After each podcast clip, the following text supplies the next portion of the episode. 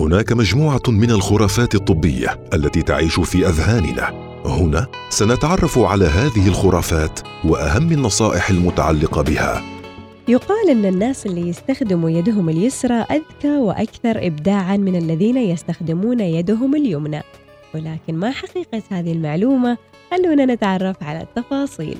خرافات طبية مع سميره الفطيسيه دائما ما يروج الأعسم من يستخدم يده اليسرى هذه الإشاعة بل ويصر عليها إصرارا قويا. وعندما نناقشهم علميا بهذا الموضوع غالبا ما ينتهي الحوار ب أنتم تغاروا منا لأن أذكى منكم وعلى مر التاريخ كان لتفضيل اليد اليسرى تفاسير مختلفة. وفي بعض المجتمعات كان الاعتقاد بأن استخدام اليد اليسرى عادة سيئة. وقد اعتبرت علامة على الشر والتمرد والإجرام. في حين اعتقدت حضارة الإنكا أن الشخص الأشول له قدرة على شفاء الناس من الأمراض واعتقدت بعض الحضارات الأخرى في شمال أمريكا أن استخدام اليد اليسرى يدل على الحظ الجيد.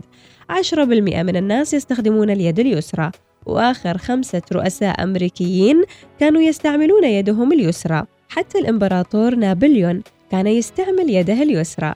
وفي وقتنا الحاضر لاعب التنس صاحب الضربات القوية رافيل ناديل يستخدم يده اليسرى لكن أشهر من استخدم يده اليسرى بالتاريخ هو ليوناردو دافنشي العالم الفنان. النحات والرسام المبدع بكل شيء تقريبا لكن كون ليوناردو دافنشي كان مبدعا لا يعني أن لذلك علاقة لأنه كان يستعمل يده اليسرى. غالبية الناس وبنسبة 90% يفضلون ويعتمدون على استعمال يدهم اليمنى. ونسبة قليلة وهي 10% تستعمل اليد اليسرى. وهناك نسبة ضئيلة جدا تستطيع استخدام كلتا اليدين. وإلى وقت قريب كان يعتقد أن الإنسان الذي يستخدم يده اليسرى يكون الفص الأيمن من الدماغ هو المسيطر ومن يستخدم يده اليمنى يكون الفص الأيسر من الدماغ هو المسيطر. لكن اتضح حديثا أن أفضلية استخدام اليد مسألة لا يمكن الاعتماد عليها في تحديد السيادة المخية والسيطرة الوظيفية.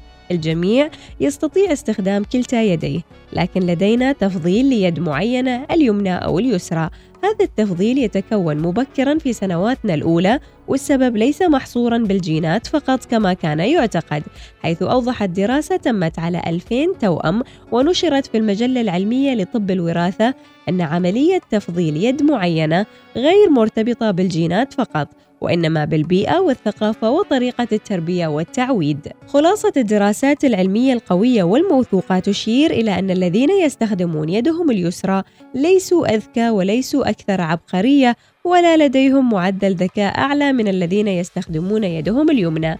والغريب أن هناك إشارة أن الأطفال الذين يفضلون يدهم اليسرى معرضون أكثر للإصابة بعسر القراءة حسب دراسة قامت بها الأكاديمية الأمريكية لطب الأطفال عام 2010 ونعتذر للناس اللي يستخدموا يدهم اليسرى في كل شيء لكن هذه هي الحقيقة العلمية. خرافات طبية. مع سميرة الفطيسية يوميا في الأوقات التالية. الواحدة وعشرين دقيقة الخامسة وأربعين دقيقة السابعة وأربعين دقيقة.